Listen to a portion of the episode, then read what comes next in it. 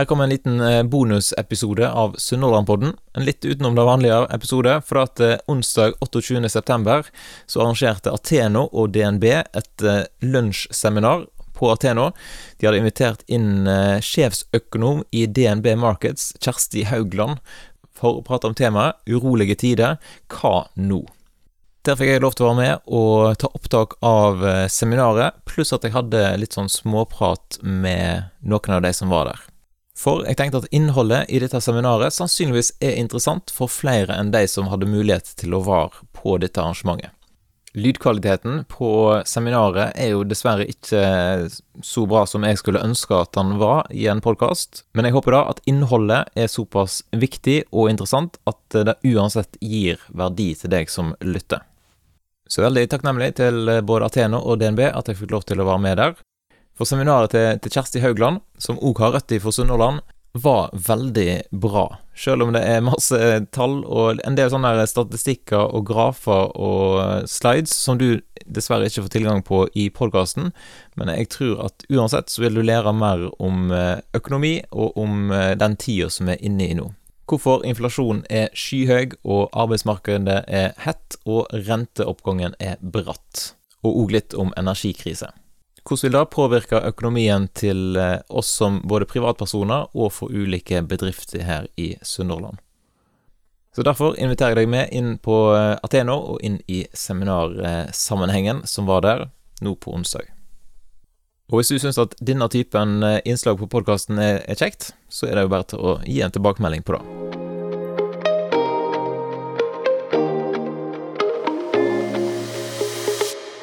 Det er viktig for Ateno å sette relevante tema på agendaen. Eh, det som eh, vi opplever både her i regionen og nasjonalt nå, er krevende for veldig mange aktører. Og det er litt bakgrunnen for at vi i dag eh, har invitert Kjersti Haugland til denne samlinga.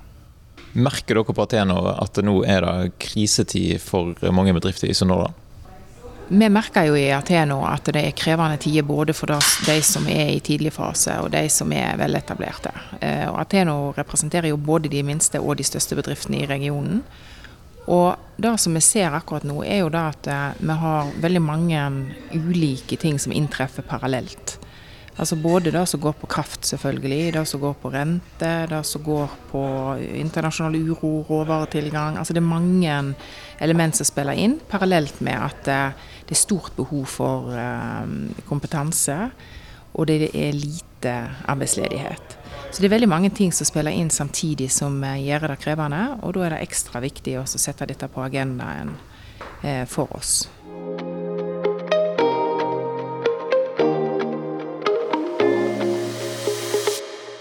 Da har jeg fått med meg Kjersti Haugland inn på en liten sånn prat eh, i forkant av seminaret her på Ateno.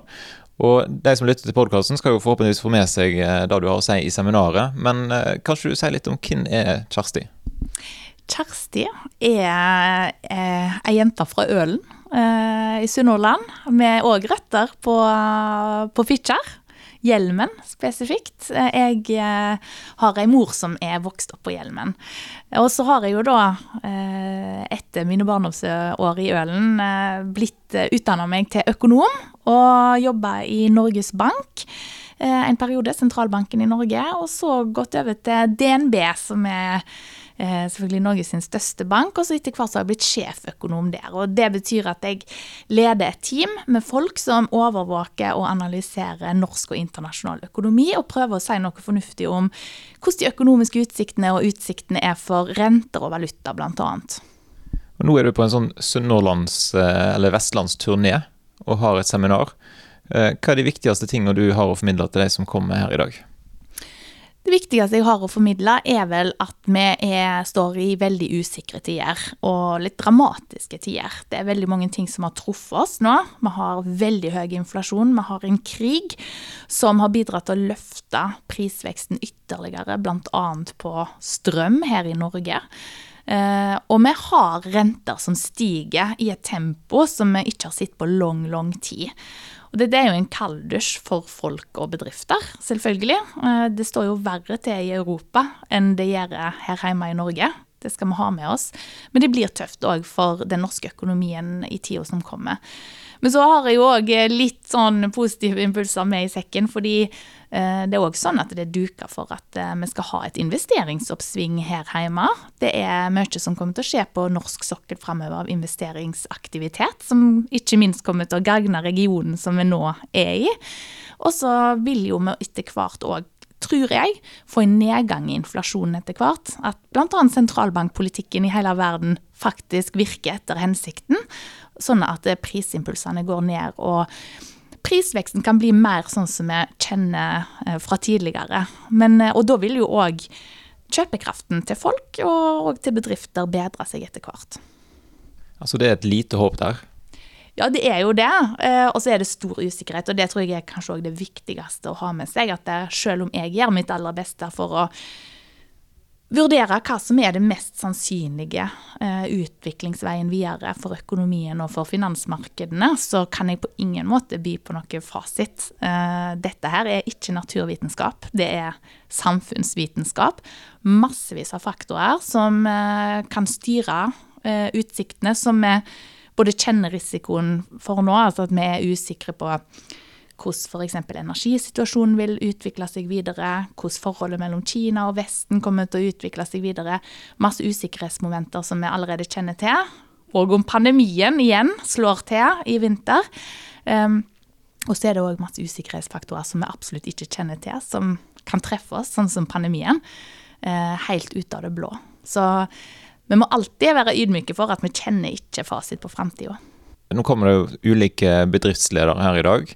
Eh, og Jeg kjenner f.eks. noen som, som, sliter veldig nå, som har høye strømregninger og, som, og, og, dårlig likviditet, og sliter med å se utveien. Hva, hva bør de gjøre? Jeg tror jeg skal være veldig varsom med å gi råd. Det er eh, ikke egentlig min profesjon å gi råd. Eh, men når det er sagt, så fra mitt ståsted, da, så må, må nok både bedrifter og husholdninger ta inn over seg at strømregningene vil neppe jeg vil ikke utelukke at det skjer, men jeg tror ikke at strømregningen vil nå gamle, gode nivåer da, eh, på en lang stund ennå. Så en må jo rett og slett ruste seg for og planlegge for å gå i en situasjon der disse utgiftene kommer til å være, fortsette å være høye i forhold til det vi har blitt vant med før. Um, og rett og slett legge en plan der en tar høyde for at uh, at kostnadene er høye, og at uh, en må legge opp virksomheten sin tilsvarende etter det. Er dette noe vi burde sett komme? Altså, eller Når så du det komme, for du har analysert og tenkt på dette her sikkert lenge? Du Sjøl de fremste militære ekspertene i Norge og internasjonalt eh, så jo det som ytterst usannsynlig at Russland ville invadere Ukraina. Likevel så var det det som skjedde, eh, og det er jo det som er grunnen til at eh, vi har fått en ekstremt store oppgangen i gass- og strømpriser i Europa og i Norge. Um, og så kan du si at det, det, er ikke kun Putin og krigen som er årsaken til et høyt uh, strømprisnivå, men det er hovedårsaken. Men den andre årsaken er jo knytta til det grønne skiftet, som gjør at vi er mer sårbare for vær og vind og svingninger i den. Og når da en kritisk gassleverandør, en forsyner av stabile energikilder eh, forsvinner på denne måten, så blir disse svingningene enda kraftigere da, og gjør oss mer sårbare. Så, sånn sett så var det Det lå i kortet at eh, prisene på kraft skulle opp. Det gjorde det. Så det var, det var, det mange som så for seg, men ikke på denne ekstreme måten som det vi har opplevd eh, det siste året. Helt noe annet. Savner du Sunnhordland når du da sitter borte i Oslo eller der som du bor? Altså Når jeg kom kjørende her nå over brua, eh, så må jeg si at eh, det er ingenting som er så vakkert som Sunnhordland. Det er det ingen tvil om. Og jeg, eh, jeg savner jo Sunnhordland fordi det er en fin plass med fine folk. Fin dialekt. ja, ikke minst. Og, men jeg er jo heldig, jeg kan jo komme tilbake. Jeg har jo foreldre som er her, og en bror som bor her. Og, så jeg, jeg får jo anledning til å komme tilbake med jevne mellomrom. I dag er episoden sponsa av Subshore. Subshore er ei lokalt forankra multiindustriell selskapsgruppe med hovedkontor på Stord. Subshore leverer kvalifisert personell og tjenester til industrien med høyt fokus på det fornybare området. På Subshore så finner du Subshore-skolen, som er en sertifisert og godkjent opplæringsvirksomhet. Subshore-skolen har regionens mest komplette kurstilbud, spesialtilpassa til store deler av det behovet industrien rundt oss har. Subshore de tror genuint på å gjøre hverandre gode, og at det å bry seg skaper en kultur som gir gode, trygge, sikre og inkluderende arbeidsplasser, med det beste resultatet for alle parter. Subshore har en målsetting om å utgjøre en forskjell i lokalsamfunnet og ha et kontrollert virke i tråd med FN sine mål for bærekraftig utvikling. Subshore er spesielt opptatt av barn og unge i sitt samfunnsengasjement. De er opptatt av mennesket i oss og de grunnleggende verdiene som betyr noe når vi sammen skal bygge et varmt, inkluderende og sterkt samfunn. Subshore ønsker derfor å jobbe på lag med de menneskene, lagene og organisasjonene som strekker seg langt for å gjøre hverandre gode. Stor takk til Subshore for at de ville sponse Sunnhordlandpodden, og jeg oppfordrer deg til å sjekke ut nettsida subshore.no.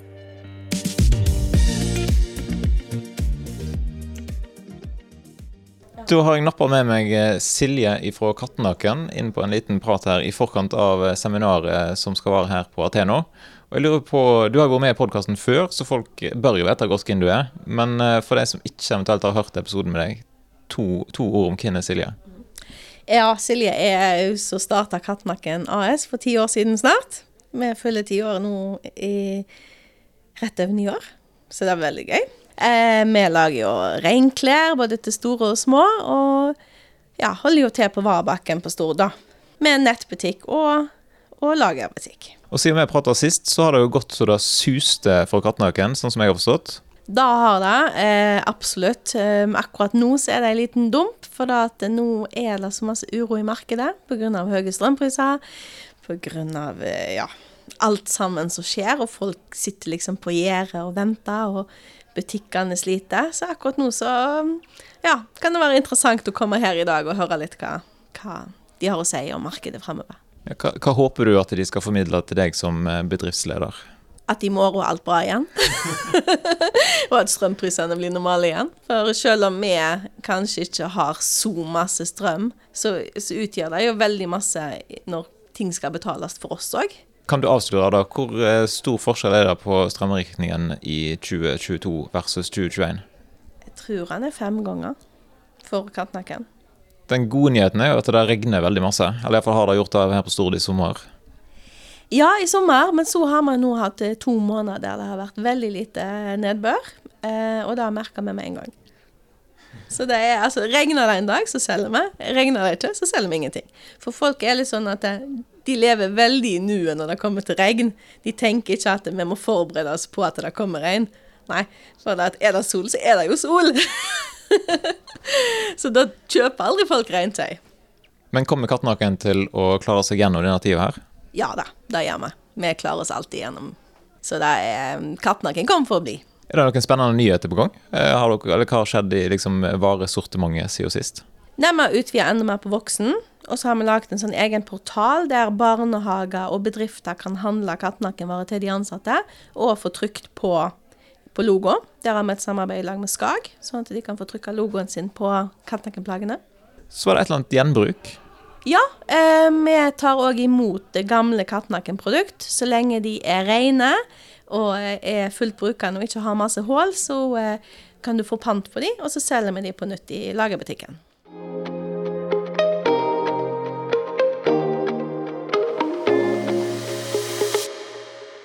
Da har jeg sneket med meg Tore Haslum Myklebust fra Samarbeidsrådet inn på et lite kontor her for å få en liten kommentar om hva ser eh, Samarbeidsrådet som skjer i Sunnhordland i den tida som vi er inne i nå, med litt uh, ulike kriser på gang?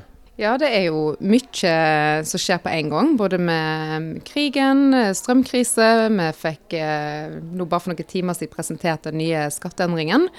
Og det er jo klart at det vil påvirke regionen vår. Og vi har jo allerede så har vi bedrifter som, eh, som er veldig sårbare og utsatte nå i forbindelse med, med, strømkrisen. Og ja, vi vet at hvis ikke det skjer endringer der, så må de kanskje gjøre drastiske tiltak i bedriftene sine. Så ja, vi står overfor en veldig usikker og komplisert eh, framtid, i hvert fall på nær sikt. Og så er det noen som antyder at kanskje dette um, kan gå seg til igjen uh, mot sommeren som kommer. Det skal vi høre mer om i dag. Men um, dette kan jeg for lite om, så jeg er jo her for å høre og få siste, siste nytt. Kan du gi noen andre glimt i for hva skjer i Samarbeidsrådet? Du har jo vært med i podkasten før, så det kan være at folk har hørt eh, den episoden. Hvis ikke bør de jo sjekke ut den. Men uh, har det skjedd noe nytt siden sist? Ja, altså vi er Nå er det jo to år siden jeg snakket med deg i podkasten, sånn cirka. Da var jeg helt ny. Eh, vi har gjort litt endringer internt. Vi, skal, vi står på trappene til å skifte navn, vi skal skifte lokal. Så vi gleder oss jo veldig. Vi skal samlokaliseres med Ateno, her som vi er i dag. Eh, det ser vi veldig god nytte av, for vi jobber i, i, uh, i de samme feltene. Vi jobber jo regionalt for hele Sunnhordland. Og så grenser prosjektet vårt sånn som Bu i Sunnhordland og Visit Sunnhordland, det grenser inn i arbeid til Attraksjon Sunnhordland. Nei, beklager, nå heter det Invest in Sunnhordland, da har skifta navn. Og prosjektet deres Ung i Sunnhordland. Så, så alt dette her må vi sy tettere sammen. Så vi har jo faktisk oppretta en felles stilling. Jeg heter Nina Matre, som skal lede Bu i Sunnhordland hos oss. Men om det skal hete det på sikt, og hvordan dette nye i lag med Ateno skal se ut, det vet vi ikke helt ennå. Men eh, en av de største utfordringene vi står overfor, i tillegg til det vi snakket om i stad, med strømkrise og krig og alt som skjer rundt oss, så har jo vi i regionen et stort behov for flere folk. Mer folk, kompetanse til regionen. Så vi jobber veldig målretta eh, og mer helskapelig på kort sikt, men òg på lengre sikt. For det er et langsiktig arbeid da å tiltrekke seg eh, folk og kompetanse til regionen. Der har vi en eh, lang vei å gå ennå.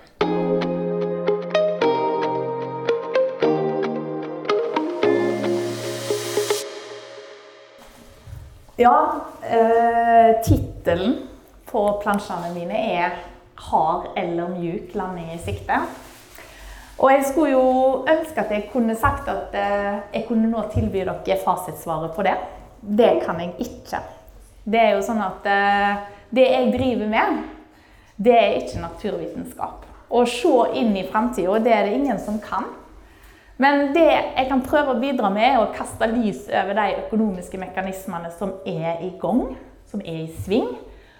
Og hva slags risikofaktorer vi ser der ute, og mest sannsynlige utviklingstrekk. Og la oss starte med energikrisa. Fordi det kaster en mørk skygge over de økonomiske utsiktene i Europa.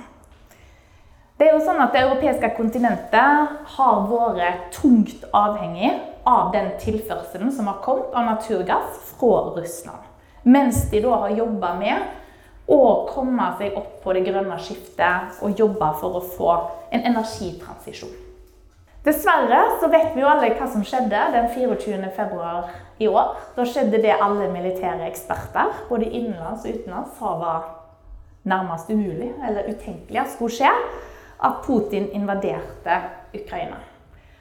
Og selv om det med en gang dette skjedde, det var masse sanksjoner, Vesten reagerte momentant med ganske storstilte begrensninger på handel med Russland og diverse straffetiltak som ramma de økonomisk, så fortsatte denne flyten av gass fra Russland til Europa ufortrødent. Faktisk litt bedre enn det han hadde gjort i forkant. Og denne grafen her, den røde linja viser det. Det er importen til Europa av gass fra Russland via Nord Stream-ledningen. Den som fører gassen direkte til Europa. Ja, den holdt seg oppe til tross for invasjonen og alle økonomiske sanksjonene som kom. Men i sommer så skjedde det noe. Da begynte tilførselen å svekkes. Og Russerne snakka om at her var det vedlikehold. Det var problemer med å få tak i turbiner etc. som de hadde hatt til reparasjon. De økonomiske sanksjonene de førte til at de ikke fikk tilgang til det de trengte for å utføre reparasjonene. Det var det veldig få som trodde på. Og nylig så har faktisk strømmen av gass til, via denne rørledningen stoppa helt opp. Igjen som følge av vedlikeholdsarbeid og at det er skader, såkalte skader på rørledningen. Det virker veldig sannsynlig nå at Russland vil straffe Europa og gjøre det de kan for å skape strid, krise, splittelse i Europa. Og det har de jo lykkes med. Det er store spareplaner på gang blant myndighetene i EU.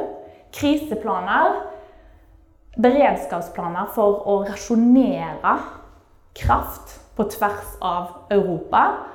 Mellom bedrifter, la de få lov å operere i visse tidssoner. Um, og europeiske bedrifter, inkludert norske bedrifter, som har en veldig høy strømforbruk, kraftforbruk, har jo bestemt seg for å stenge ned. For det lønner seg rett og slett ikke å produsere når strømprisene og kraftprisene er så høye. Og det er jo bare nå i går at Hydro eksempel, bestemte seg for å stenge ned produksjon da, i både på Karmøy og på Husnes. Bare som et eksempel på det som skjer. Så produksjonen blir jo ramma her. Ting eh, stenges ned, både ut fra et lønnsomhetsperspektiv for bedriftene, men òg da etter hvert, antageligvis, at myndighetene pålegger bedriftene å være mer sparsommelige. Og så er det jo alt den effekten som kommer via priseffekten i seg sjøl. For prisene stiger til værs. Vi har Hvis vi Gassprisen da, i Europa, den er totalt førende for prisene på strøm i Europa. Og prisen på strøm i Europa den legger kraftige føringer på strømprisene her hjemme. Så sånn er mekanismene. Så denne grafen her er veldig styrende for hva som er, hvor svingningene i strømprisene her hjemme er. Og vi ser at eh, prisene på naturgass i Europa steg voldsomt kraftig gjennom sommeren. Eh, langt over den umiddelbare spiken som vi så når invasjonen var et faktum. Der frykten for at dette kunne skje, var på sitt høyeste. Og så dempa den seg fordi da strømmene bare fortsatte å flyte. Gassprisene kom ned igjen, men så begynte disse her såkalte vedlikeholdsarbeidene og stans i leveransene. Og så har prisene steget voldsomt kraftig. Og bare for å gi dere et perspektiv på hvor masse dette egentlig, hvor høye disse prisene egentlig er. Her, her om, denne grafen viser gassprisene som om det var olje. Det er i såkalt oljeekvivalenter. Og oljeprisen i dag ligger på litt over 80 dollar fatet. Han var en periode litt høyere nå, på rundt 100 dollar fatet, men nå har han kommet litt tilbake. Tilsvarende her er gassprisen. Var på det verste her oppe på over 500 dollar per fat ekstreme nivåer. Vanligvis når vi tenker på gassprisen, så forventer vi at gassprisen skal være omtrent 60% av oljeprisen. Han pleier vanligvis å være en god del lavere enn oljeprisen. Nå er han langt, langt over oljeprisen. Det er store forstyrrelser i markedene. og husk at Dette her er ikke en verdenspris. I motsetning til olje, det er en global vare. Den flyter på tvers av landegrenser. Så stiger oljeprisen, så stiger den i alle land. Men gassprisen, der er det annerledes. For gass kan ikke bare sendes. Du kan ikke bare plutselig i et øyeblikk bestemme deg for Nei, jeg skal ikke selge gass til Europa, jeg skal selge gass til Kina i stedet for. Da må du ha infrastrukturen på plass, du må ha rørledningene på plass. Så det er ikke gjort i en håndvending, for å si det forsiktig, og derfor er det Europa som blir ramma av dette her. Når eh, tilførselen for Russland går ned. Så har gassprisene kommet ned en god del, men langt over altså på 300 dollar fatet godt over oljeprisen da, på 80 dollar fatet, så er det jo fortsatt skyhøye nivåer. Men mens jeg satt på flyet over til Haugesund i går, så kom jo nyheten om at det har vært sabotasje på gassrørledninger. Både Nord Stream 1, som er vist her, og Nord Stream 2. Det var jo ikke noe gass som da ble levert via disse rørledningene på nåværende tidspunkt. Men det viser likevel det, selv om vi ikke vet hvem som har gjort dette her, så er det veldig mye som peker mot at dette er russisk sabotasje. Og prisene har jo nå steget igjen, på nytt. Da har ikke jeg fått oppdatert den grafen. Det sier jo alt om Det er flere grafer jeg har med her nå som kommer til å være litt ut, ikke utdaterte, da, men eh, det bare illustrerer hvor masse som skjer fra dag til dag i disse veldig turbulente tidene. Så vi er i en situasjon der prisene stiger til himmels. Og jeg har snakket om rasjonering både fra myndighetenes side, bedriftene tar egne beslutninger, men ikke minst vi som forbrukere. Det er jo et nøkkelpunkt her. Det er derfor vi forventer en markert resesjon i Europa til vinteren. Nå fram mot årsskiftet og inn gjennom resten av vinteren. Resesjon, et økonomisk tilbakeslag, fall i aktiviteten, betydelig fall. Det er jo fordi forbrukerne nå virkelig får merke at prisene stiger enda mer på noe som er et nødvendighetsgode. Du kan ikke vri deg så veldig masse vekk fra denne regningen her. Selvfølgelig kan du spare på forbruk, og det får du jo i høyeste grad insentiver til å gjøre med disse prisene her, men du kan ikke kutte helt. Og dette trekker inn kjøpekraft for forbrukerne, og det er jeg sikker på at mange kan relatere seg veldig lett til. At dette her er dårlig nytt for lommebøker, det er dårlig nytt for humøret, og det er òg dårlig nytt for forbruksutviklingen. Særlig for de bransjene som driver med mer ting som er kjekt å ha, men kanskje ikke nødvendig å ha for forbrukerne. Som nå går en svak vinter i møte, ser det ut til. Og så kan dere jo allerede nå merke dere at eh, jeg tror at norsk økonomi skal slippe betydelig billigere unna denne nedturen enn våre naboer lenger sør. Og det er jo først og fremst at selv om vi syns at strømprisene våre er veldig høye for tida, så er de veldig mye høyere på kontinentet. Det er der det er skikkelig knapphet på energi, og den kommer til å bli verre utover vinteren. Så det er viktig å ha med seg. Vi har òg en sjenerøs strømstøtteordning for forbrukerne, som bidrar til å dempe noe av den smerten som forbrukerne føler på. Men så er det jo sånn at denne kraftige oppgangen i prisene på energi, den skjer jo ikke i en situasjon der alt var normalt i utgangspunktet. Alt var før Ukraina-krigen allerede totalt unormalt når det gjelder prisveksten. Pris, altså konsumprisveksten, som er de prisene på de varene og tjenestene som forbrukerne står overfor, den har steget enormt kraftig det siste drøye året i kjølvannet av pandemien. Vi er oppe på inflasjonsrater på sånn typisk 8-9-10% rundt omkring i USA og i Europa. Og i Norge så var prisene i august 6,5% høyere enn i august året før. Så sånn at 6,5% ja, da ligger vi jo lavere enn i Europa, som ligger på 9% Men da må vi ha med i betraktningen at hadde det ikke vært for strømstøtten, som tar vekk den aller verste støyten av høyere strømpriser, så hadde strøm, eh, inflasjonen i Norge vært på konsumprisveksten i Norge vært på 9% Så det viser det at det, de tar vekk, altså politikerne tar vekk 3 prosentpoeng av den prisveksten via den strømstøtten. Så det er klart en politikk som hjelper i praksis for forbrukerne. Da. Men det er skyhøy inflasjon. Og hvorfor er nå inflasjonen skyhøy. Hvorfor var den det i utgangspunktet? For det handler ikke bare om strømpriser. Det handler det i veldig stor grad om akkurat nå. Det ekstra skyver opp. Men det handler om en kraftig oppgang i alle slags priser. Vi har opplevd at eh, etter pandemien så har prisene økt på en rekke råvarer. Metaller, matvarepriser, energipriser. Men òg egentlig alt mulig alt mulig. Det er sikkert på nok, dere som representerer næringslivet òg, har merka at kostnadene har økt på nærmest sett alt. Helt uvanlig masse. Hvorfor det? Det vil jeg bare slå et slag for her i dag. At det skyldes pengeregnet som traff økonomien i kjølvannet av pandemien. Vi hadde enorme politikktiltak for å støtte opp under økonomien når den falt bratt, når samfunnet stengte ned. Og i USA så var de tiltakene helt i særdeleshet høye. Vi hadde tre runder med kontantoverføringer. Store kontantoverføringer til husholdningene. Og vi hadde òg en voldsom oppjekking av arbeidsledighetstrygdene. Faktisk så kan du se det at inntektene til amerikanske husholdninger økte kraftig gjennom pandemien. Og det var kanskje ikke det dere skulle tro. Når en så alvorlig økonomisk krise traff, ledigheten, arbeidsledigheten steg til himmels, så hadde du parallelt med dette en kraftig oppgang i inntektene til folk. Det så vi ikke i Europa. Heller ikke i Norge.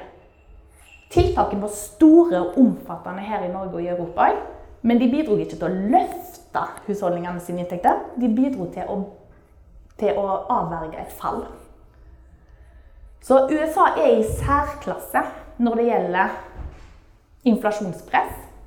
Med etterspørsel, altså alt den etterspørsel, potensielle etterspørselen som ligger i alle disse pengene som har blitt sprøyta inn i økonomien, som ligger der klart til å bli brukt til varer og tjenester, og som har blitt brukt til varer og tjenester, har heta amerikansk økonomi veldig mye opp. Og så har vi hatt elementer av det samme i Europa, men USA i særklasse. Og det er viktig fordi at det òg eh, forteller meg at vi har en mindre vei opp å gå på renteoppgangen med her i Europa. Vi trenger ikke like kraftig nedkjøling for å få bukt med problemet som den amerikanske sentralbanken gjør. Men det kommer ofte i skyggen at en tenker alle sentralbanker må gjøre akkurat det samme. Gjerne kjøre økonomiene inn i resesjon for å få bukt med problemet. Nei, det mener jeg ikke. Det er først og fremst et problem for den amerikanske sentralbanken at problemet er så stort. Og her ser vi hvordan mengden av dollar, pund, euro og norske kroner den, Hvor masse av penger det fins inni altså blant husholdninger og bedrifter. Hvordan den eksploderte i USA gjennom pandemien. Vi har aldri tidligere vært i nærheten av å ha sett en sånn tilførsel av penger inn i økonomien. Og som i ettertid så er det jo åpenbart, egentlig, at dette her Ok, dette fører til økt etterspørsel og økt aktivitet, men til slutt, når kapasiteten i økonomien Når vi kjører på full kapasitet i økonomien, så kan ikke aktiviteten økes mer. Da fører alle, alt denne etterspørselen kun til at priser blir bydd opp. Og det er det som skjer. Og det er det som har blitt skjedd på verdensbasis òg. Vi har jo òg som forbrukere gjennom pandemien brukt veldig masse penger på varer. Jeg vet ikke om dere kjenner dere igjen i det, men vi har ikke eh, hatt anledning til å bruke penger på å reise, gå på restaurant, hotell osv., kulturtilbud. Vi har vridd en god del av den etterspørselen over på fysiske varer. Så verdens vareproduksjon ble overvelda av den etterspørselen som velta inn over verdikjedene. Og da ble det rett og slett problematisk, og prisene begynte å stige. Og vi så at leveringstidene til industrien i Europa, i USA, i Norge steg til unormalt høye nivåer. Altså at har Bedriftene hadde problemer med å levere i tide. Fordi at de hadde så masse etterspørsel, og det begynte å oppstå manko på diverse komponenter. Og stopper det opp i ett ledd, så stopper det opp i et annet. Og det er sikkert mange av dere som kan relatere dere til det òg. Og som sagt, råvareprisene steg kraftig. Nå er det tegn til omslag. Og det er jo nettopp fordi etterspørselen nå er i ferd med å roe seg ned. Etter den siste runden med gjeninnhenting, etter vaksinasjonene av i hvert fall den vestlige delen av verden, som har tillatt samfunnet å åpne opp og bli mer som normalt. Vi har fått unnagjort en god del sånn opphenting og reisevirksomhet og sånn i sommer. Nå peker aktivitetsbarometrene rundt omkring i vestlige land på at nå demper det seg tydelig. Og det er ikke rart når prisveksten er så høy og trekker inn kjøpekraft, samtidig som sentralbankene hever rentene i en uvanlig hyppig og stor takt. Og da, når etterspørselen demper seg, ja, da avtar jo òg flaskehalsene. Og Da er det ikke så problematisk for bedriften lenger å ta under alt denne etterspørselen. For etterspørselen er svakere. Da går leveringstidene ned igjen, som dere ser. En veldig tydelig trend til nå i det siste.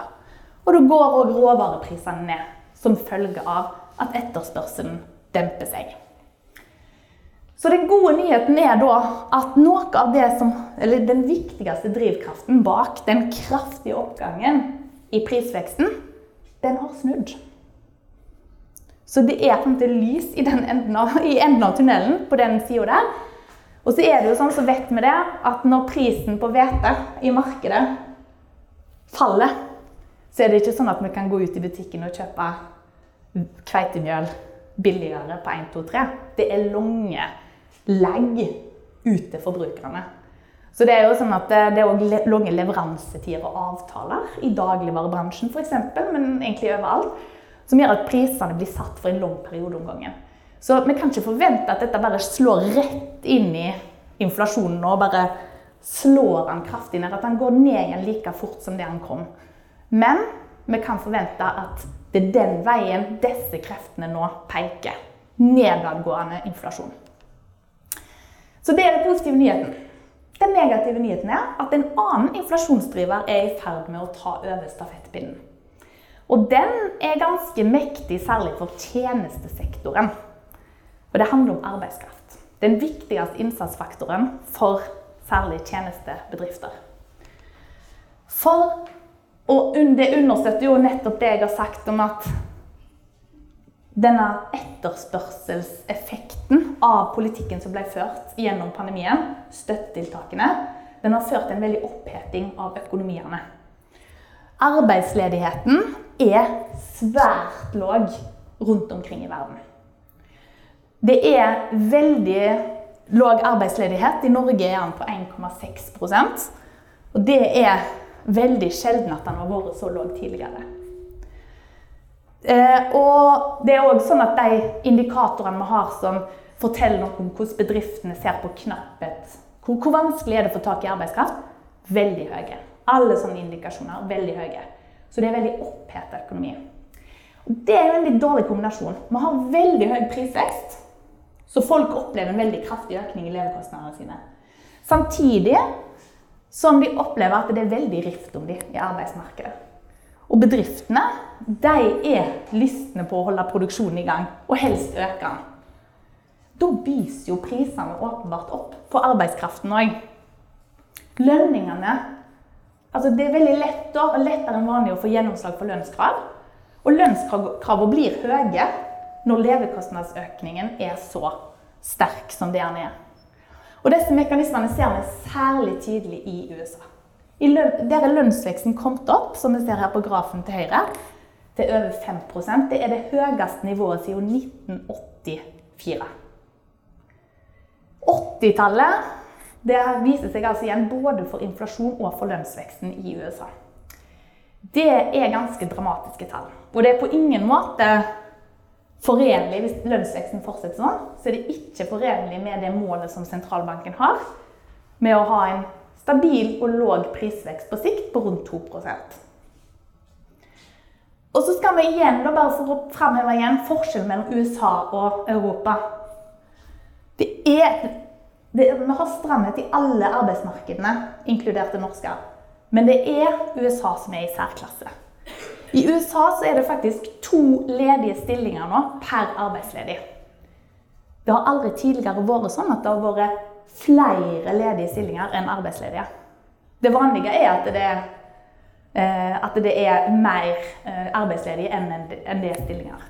Men nå er det altså sånn at det er to ledige stillinger per arbeidsledig.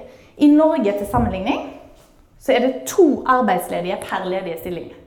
Det er uvanlig stramt. Altså det, det pleier å være mye flere om beina for per stilling. Men det er likevel ikke sånn at det er flere ledige stillinger enn alle ledige i Norge. Og i eurosonen eksempel, så er det tre arbeidsledige per ledige stilling. Så det er bare for å illustrere det, at alle land sliter nå med det samme problemet. Det er skyhøy inflasjon og veldig heit økonomi, hett arbeidsmarked, der det ligger godt til rette for at inflasjon kan bite seg fast på høye nivåer hvis denne lønns- og prisspiralen får rulle. Men det underliggende problemet er svært sterkt i USA, og ikke like alvorlig i Europa. Men sentralbankene er jo nå i brannvernmodus. For de er redde for at inflasjonen skal bite seg fast på et høyt nivå, via, særlig via den kanalen som er via økte lønninger. For jo, jo mer lønnsveksten holder seg oppe nå, jo mer vil jo bedriftene ønske og ha behov for å legge på prisene òg framover i en høy takt. Og det vil da holde konsumprisveksten høy. Eh, og da må de kjøle det. De må rett og slett få roa gemytten i arbeidsmarkedene. Gjøre det sånn at det blir mindre kniving. i, om arbeidskraft i arbeidsmarkedet. Og òg faktisk for å vise bedrifter og husholdninger at de har ikke tenkt å sitte stille og se på at inflasjonen er på dette nivået her. Sentralbanken kommer til å agere, og de håper jo òg at det skal endre tankesettet til folk. Og gjøre at de blir mer innstilte på at prisveksten skal ned. Vi skal ikke legge til grunn i våre, prisbeslut våre beslutninger i hverdagen, verken som bedrift eller husholdning, at prisveksten skal bare forbli høy. Da, det, det verste en sentralbank kan tenke seg, er at folk begynner å legge til grunn at ja, kanskje prisveksten skal være på 6% i året, da. Kanskje det er det som er det nye. Ja, da må vi jo bare legge om alt sånn etter et sånn type regime. Det er sentralbankene livredde for. Og derfor så ønsker de nå på en måte kjøle ned landskapet, sånn at det er mindre sjanse for at inflasjon brer seg og blir et stort, stort problem. Og dette her illustrerer hvor kraftig sentralbankene går til verks. Eh, den amerikanske sentralbanken har jo gått i galoppfart opp på renta nå.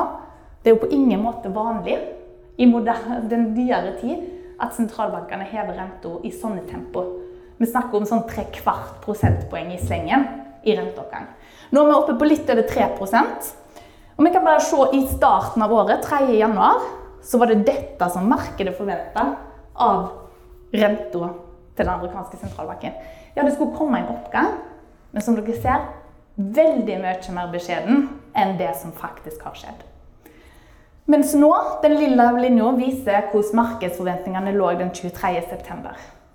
Nå er det forventa at den renta der skal over 5 Så det er en veldig dramatisk prising som vi ikke Vi har ikke sett sånne endringer på lang, lang tid.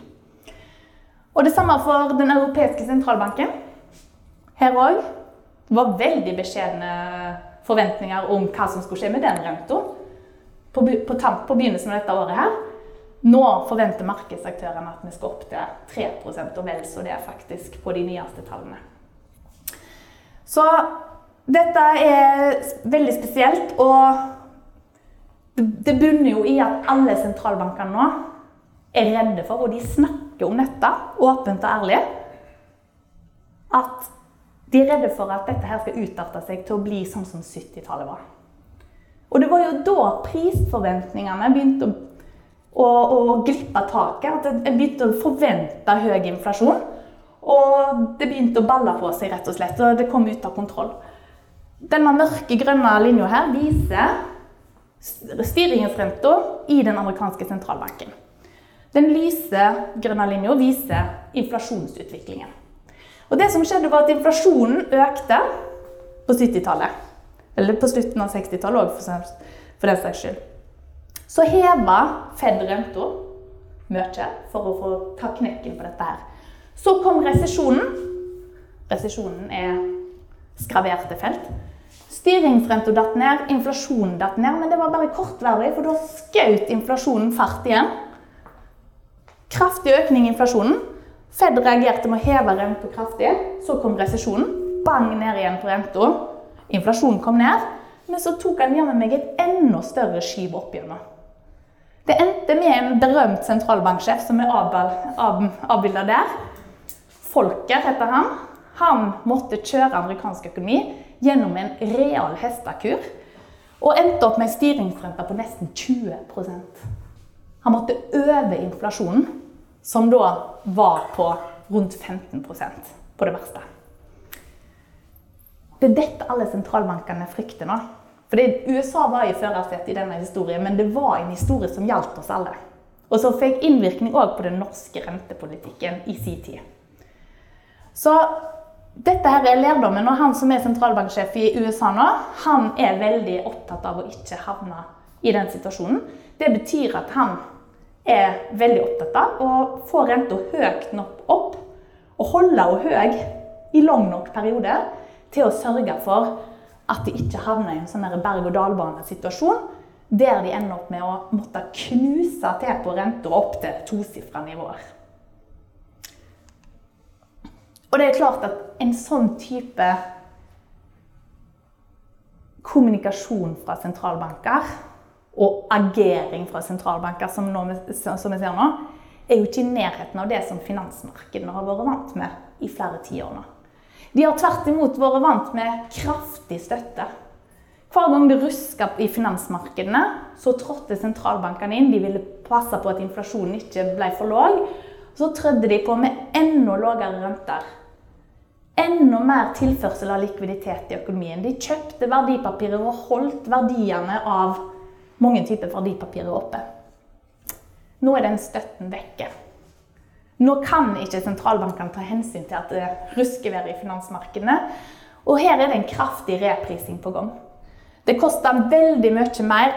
I løpet av kort tid så har prisen for å binde renta med lang løpetid i markedene økt kraftig òg her hjemme i Norge. Norge, De lange rentene her i Norge er jo strengt påvirka av det som skjer i USA. Så her har det skjedd en kraftig reprising eh, opp, og det er vanskelig å si hvor toppen skal være her. Eh, men eh, vi, vi, kan jo håpe at den snart er nær.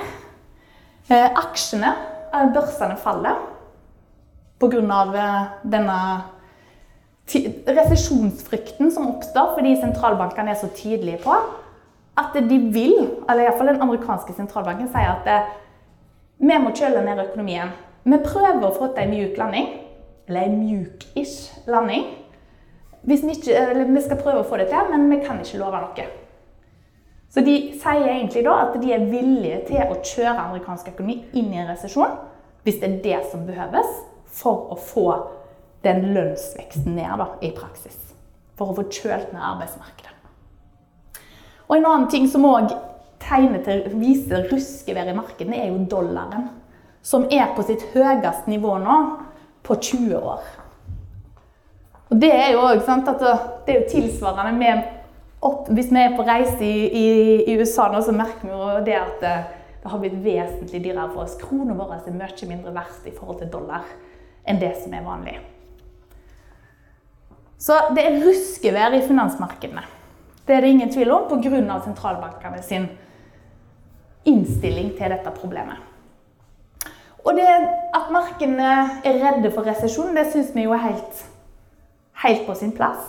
Som sagt, vi forventer at det, dette veksten i aktiviteten eh, fra kvartal til kvartal Vi forventer en kraftig nedgang både i Storbritannia og i eurosonen eh, i kvartalene som kommer nå. Og etter hvert så forventer vi òg på nyåret at det skal bli en resesjon i amerikansk økonomi.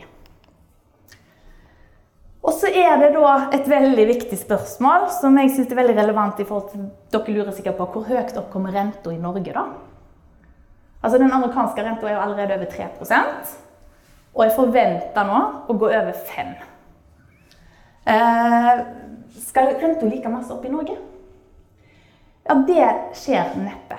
Og grunnen til det, det er særlig ja, det er for så vidt ett poeng er at det underliggende inflasjonsproblemet til Norge er mindre enn det i USA, som jeg har sagt flere ganger nå. Men det andre er òg at rentevåpenet til Norges Bank er usedvanlig kraftig. Jeg har kalt Norges Bank for, Norge, for, verdens mektigste sentralbank. Det er jo ikke sant i alle sammenhenger, det innrømmer jeg. Eh, men akkurat når det gjelder hva kraft de har til å kjøle ned økonomien, så er de i særklasse. Og det er fordi vi alle her i Norge er skal ikke si at vi alle er det, men husholdningssektoren er usedvanlig kraftig for gjelda. Og det viser denne grafen her. Denne røde søyla her her i Norge. Husholdningsgjelda er to og en halv ganger så stor i Norge som inntekten. Disponibel inntekt. To og en halv ganger. Husk at dette her, eh, tallet her inkluderer det er alle husholdninger i Norge. Så det inkluderer jo masse folk som ikke har gjeld. Så hvis du hadde tatt dem ut, og hvis du hadde kunnet tatt ut i statistikken, det hadde vært fint, så hadde det jo vist et mye høyere tall. Men dette er veldig høyt, som dere ser, i verdenssammenheng. Her finner vi USA. 101 står det her. Det betyr at eh, gjelda i USA, sin husholdningssektor, er like stor som deres disponible inntekt. Det er et lågt nivå både i internasjonal forstand, så husholdningssektoren er lite forgjelda. Og det er òg lågt i forhold til USA sin egen historie. Vi må tilbake til begynnelsen av 2000-tallet for å finne en tilsvarende låg gjeldsbyrde blant amerikanerne. Det, en, det er jo en grunn til det, fordi vi hadde en låneboble som smalt under finanskrisa. Så det har, vært, det har vært en real oppgang i den gjeldsbyrden, og så en real nedgang etterpå.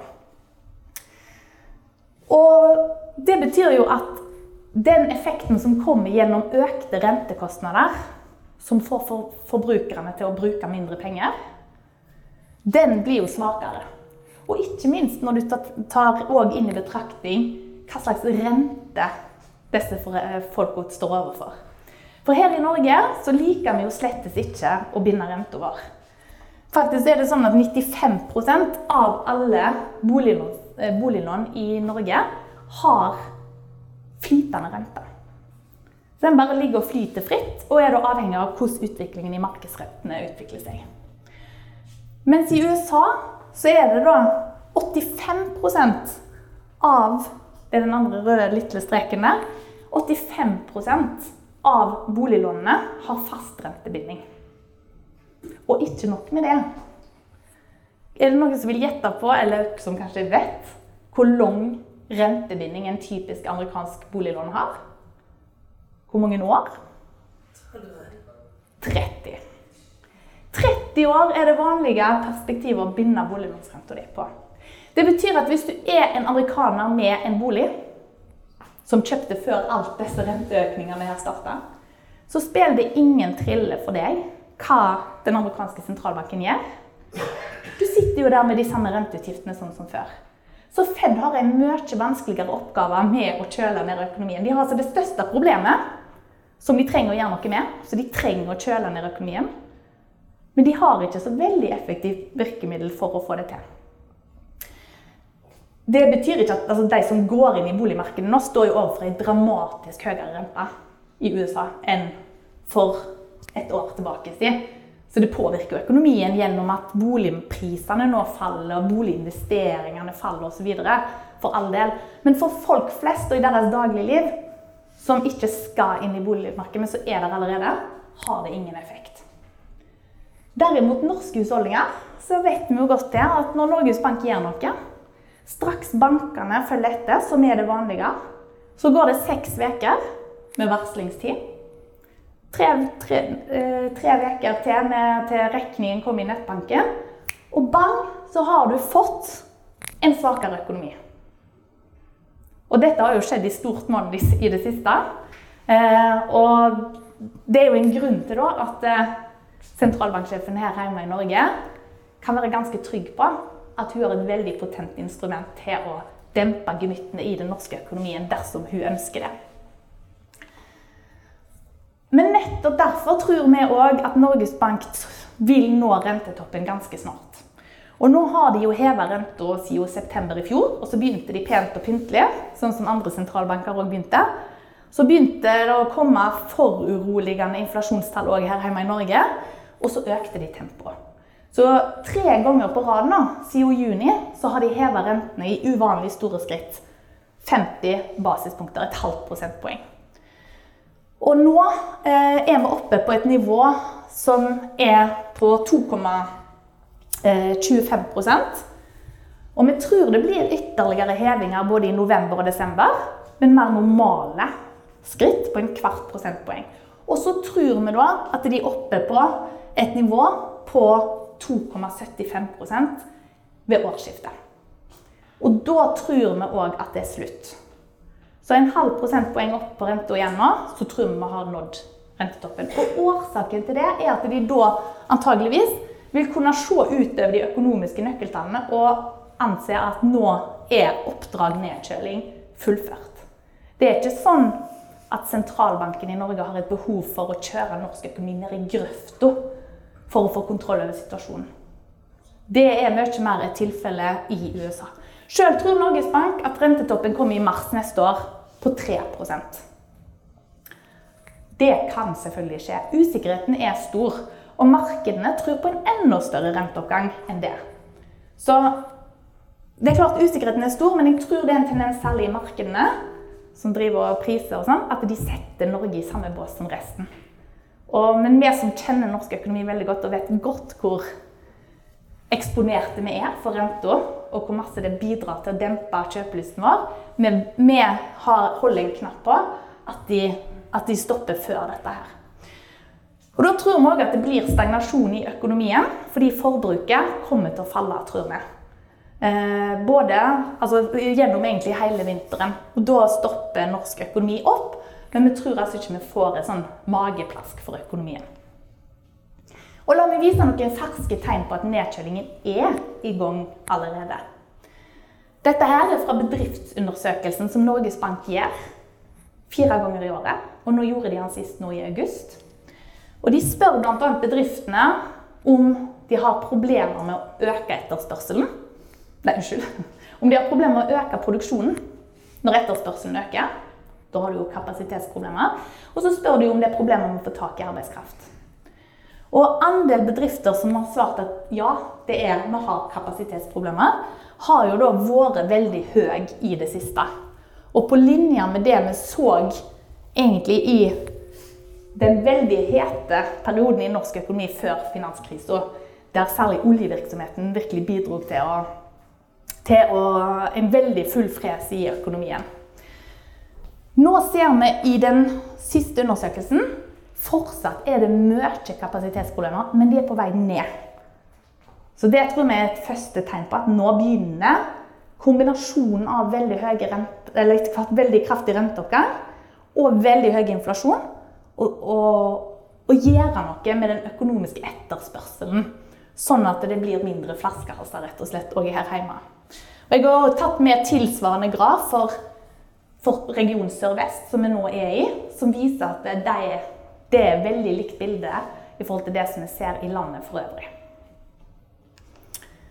Og Vi ser òg det at antall ledige per stilling nå har begynt å øke igjen.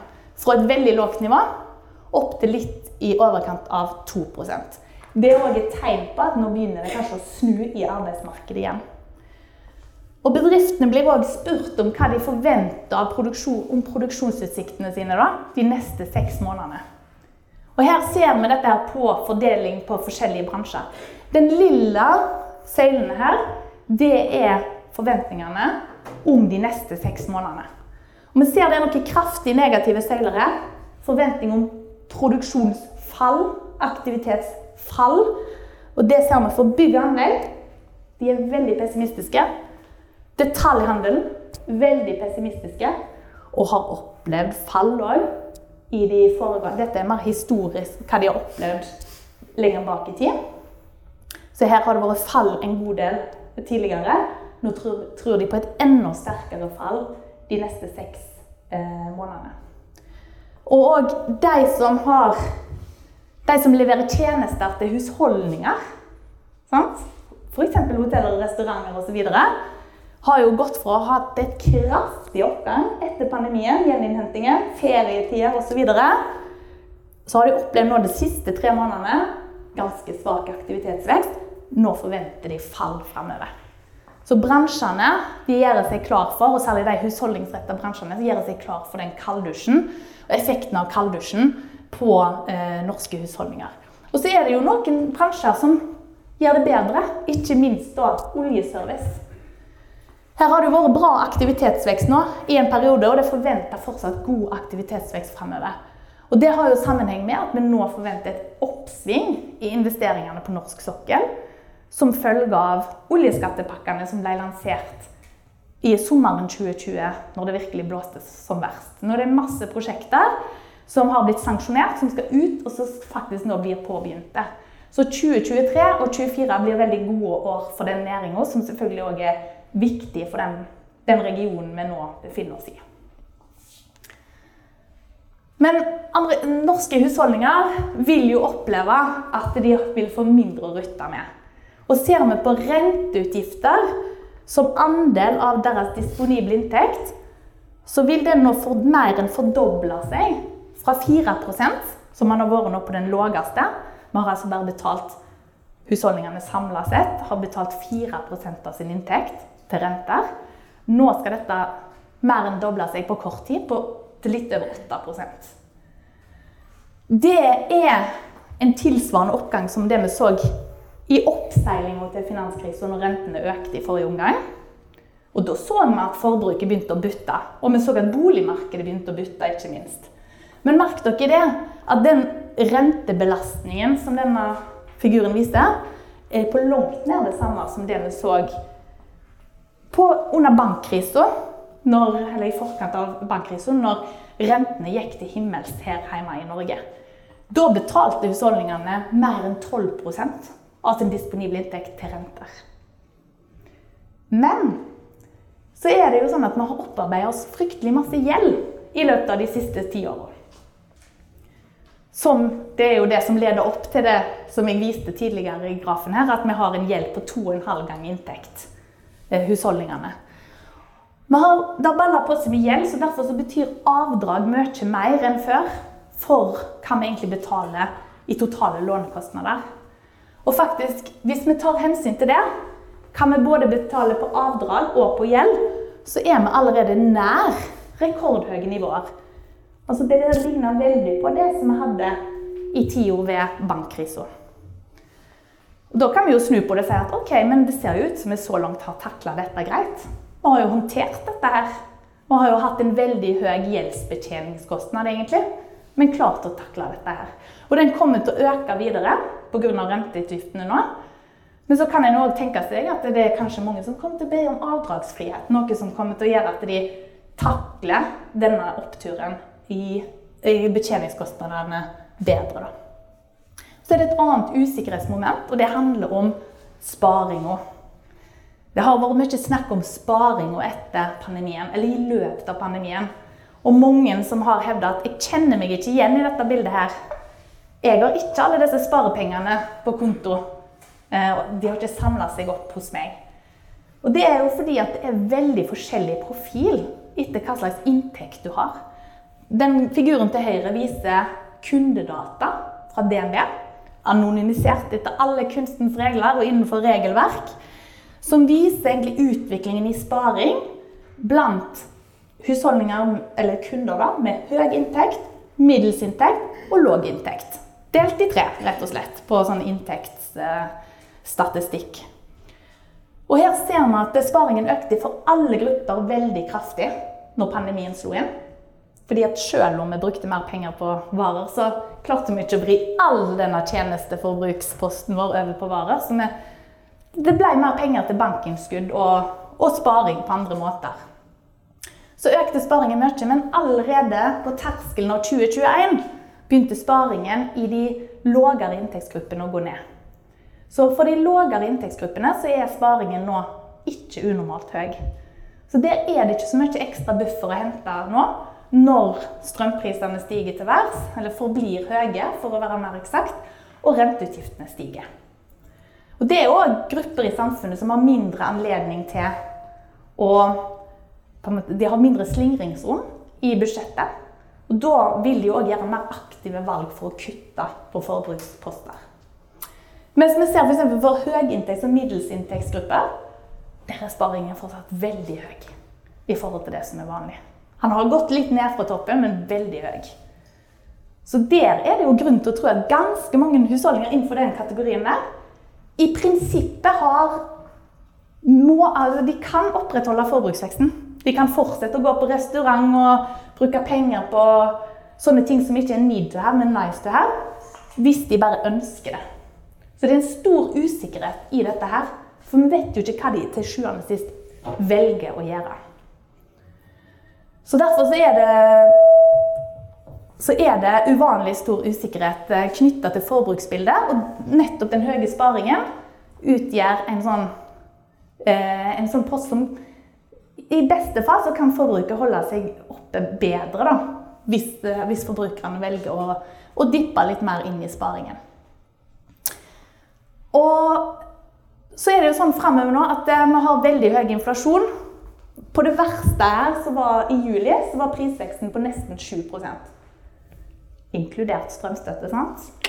Så det egentlig kunne ha vært høyere, men han var nesten 7% her på det verste.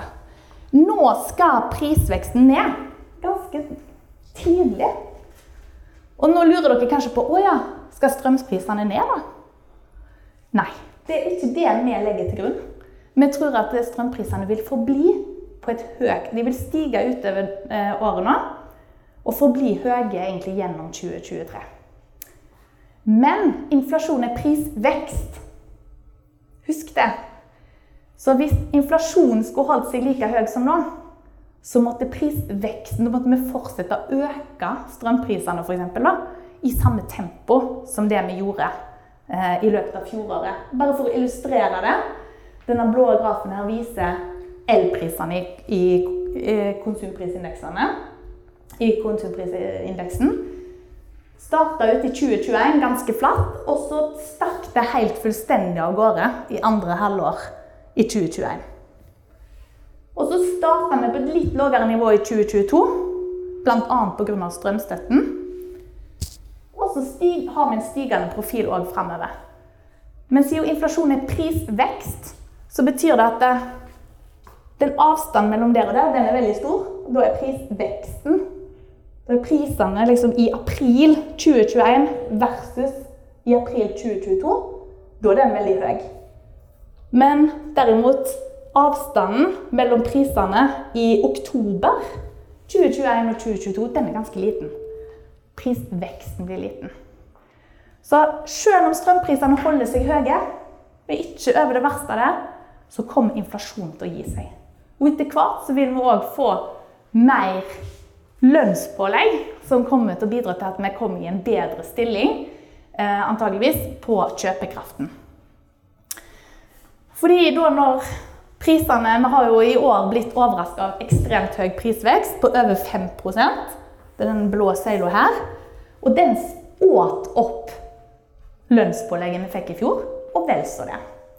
Altså, vi har fått en nedgang i reallønningene våre. Kjøpekraften vår er svekka. Det er veldig uvanlig. Faktisk er det sånn typisk tilbake igjen til bankkrisa for å finne perioder der reallønningene i Norge faller. Og så sier dere ja, men der var det jo en Det var jo ganske nylig at det skjedde. Dette er olje, oljenedturen. Og grunnen til at den ble negativ, var fordi at mange høytlønte i den perioden mista jobben. Og da ble det en sånn forskyvning i statistikken som gjør at den der søyla der er ikke helt representativ. Men iallfall i år Så i fjor så var det nesten ikke endret, altså, Så var det egentlig flat reallønnsutvikling. Nå er det nedgang i reallønningene i år. Det ligger an til en saftig oppgang i lønnsveksten neste år. Det er ganske sikkert. Antageligvis nærmere 5 Samtidig har jeg sagt at inflasjonen vil gå kraftig ned. Det betyr at vi vil få bedre kjøpekraft. Oppgang i reallønningene igjen. Og det vil igjen støtte opp under forbruket vårt.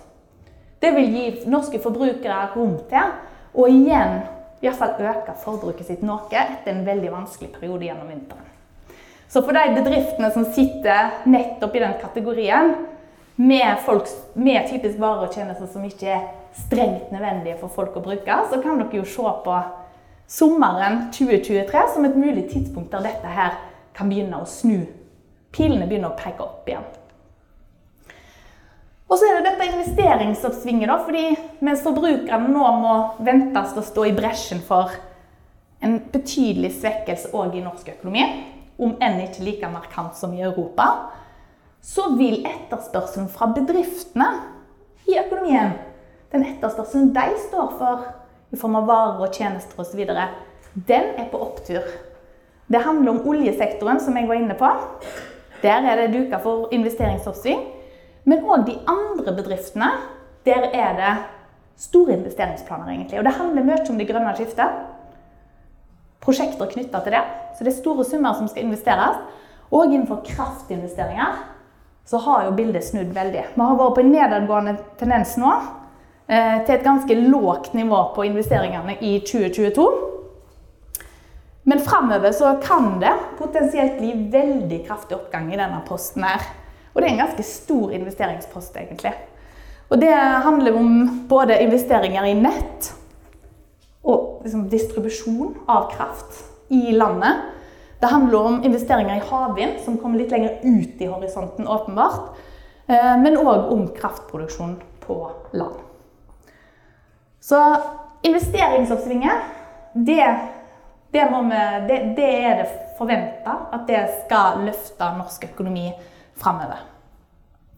Mens derimot boligmarkedet det har jo vist en forbløffende sterk utvikling egentlig, gjennom så langt i år. Til tross for dette her eh, kraftig oppgang i konsumpriser og renter. Eh, og hvorfor det egentlig? Jo, noe handler jo om at det har vært dårlig med etters nei, tilbud ute i markedet, bl.a. pga.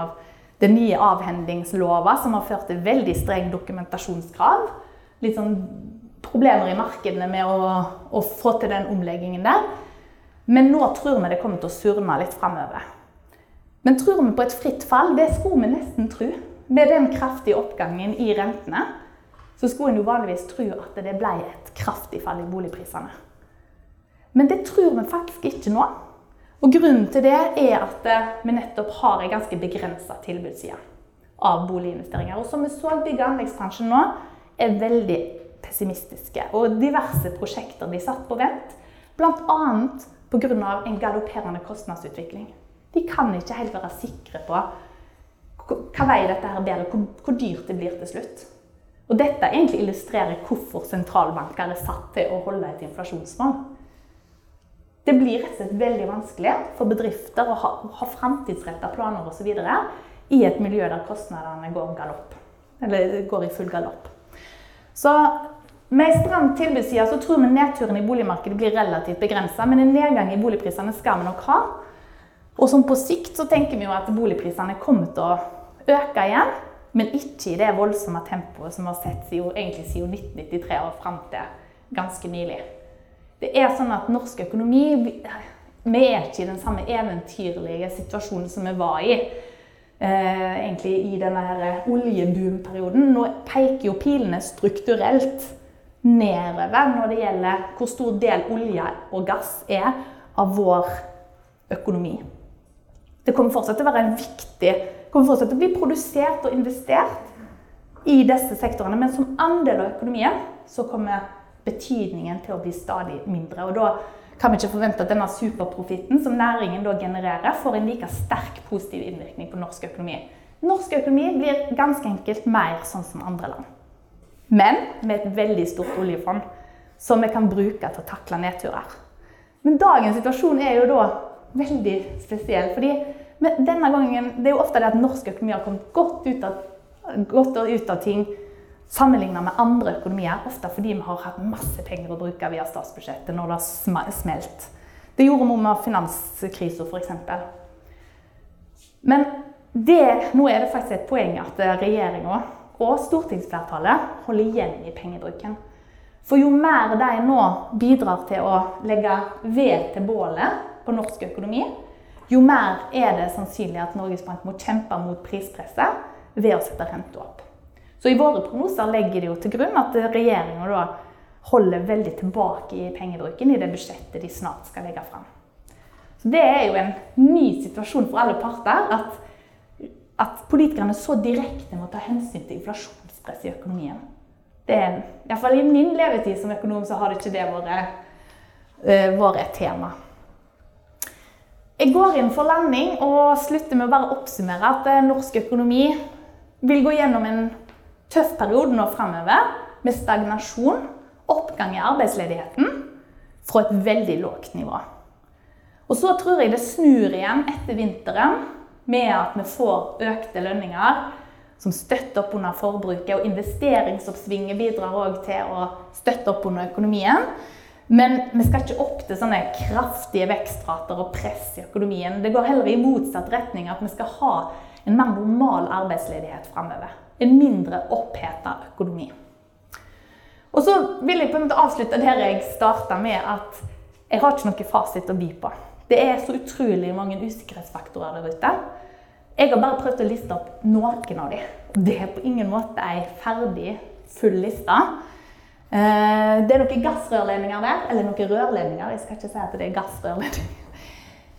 Det er bare Vi vet jo hva som har skjedd de siste dagene. Vi vet det er spekulasjoner om at det kan skje ytterligere sabotasjer som kan forverre energikrisen ytterligere.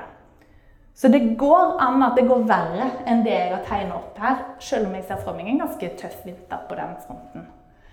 Det går òg an at ting går bedre. I prinsippet Kanskje ikke akkurat nå, da, med de saboterte rørledningene, men i prinsippet så kunne jo eh, Russland ha snudd og økt, eh, økt tilførselen igjen av gass. Men eh, det virker ganske usannsynlig akkurat sånn som det står nå. Så var det denne pandemien, da. Den har vi jo nesten glemt.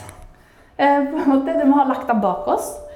Det er ikke tilfellet i andre land. I Kina så er økonomien utrolig svak i øyeblikket. Blant annet fordi Kina ikke har gitt slipp på prinsippet om å slå ned på all smitte og stenge ned.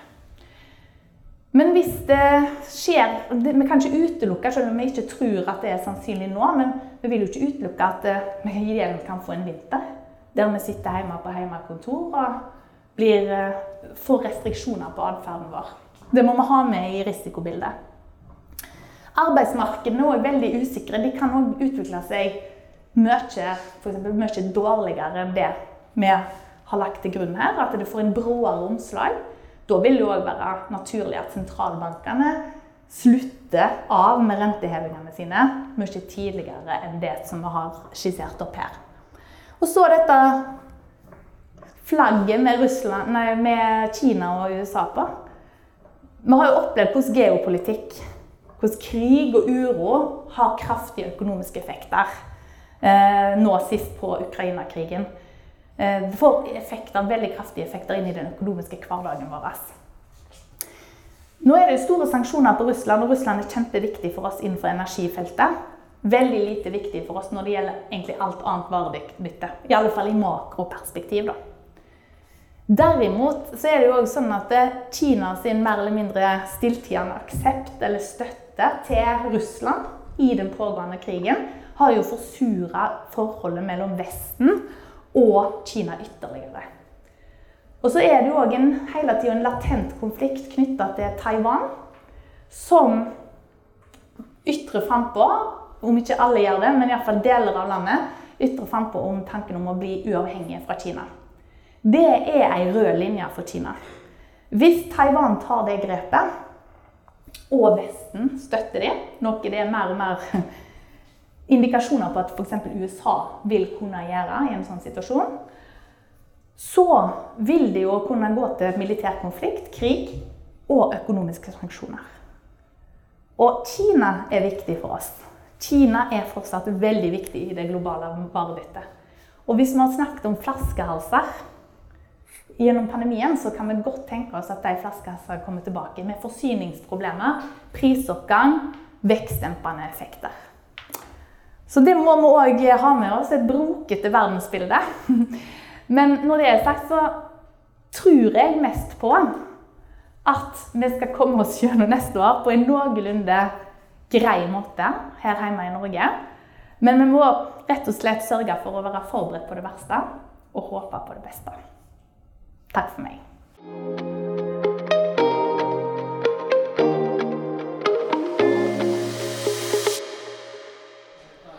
Da har vi vært på seminar og hørt om eh, økonomi og eh, inflasjon og masse så vidt krevende ting.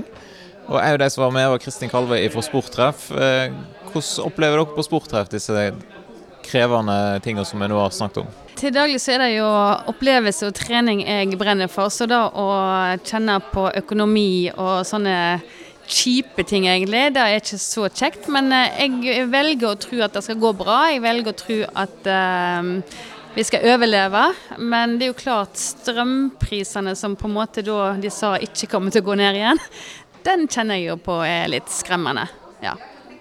ja for hvordan merker dere da i prosentvis oppgang på sporttreff? Oh, prosentvis, det var det, da. Men eh, jeg fikk faktisk eh, strømregningen i går på 51 790 et eller annet. Så det vil jo si at eh, det er vel en 121% stigning et eller annet, ja. Så eh, tøffe tak, rett og slett.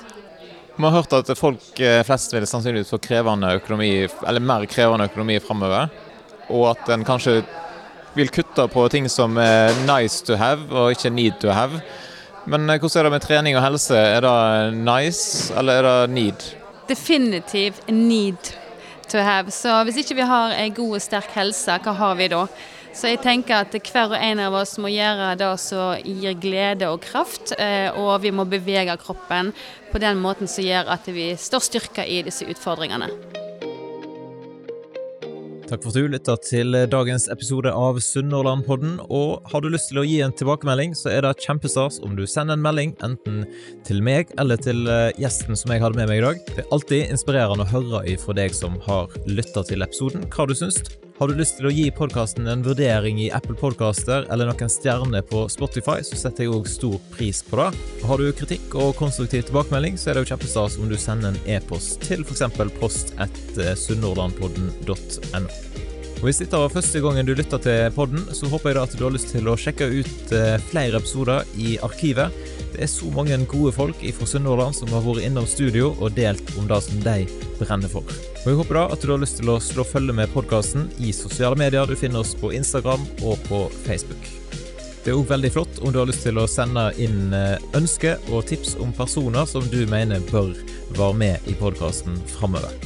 Da ønsker jeg deg en fin dag, og så poddes vi plutselig igjen hvis alt går etter planen.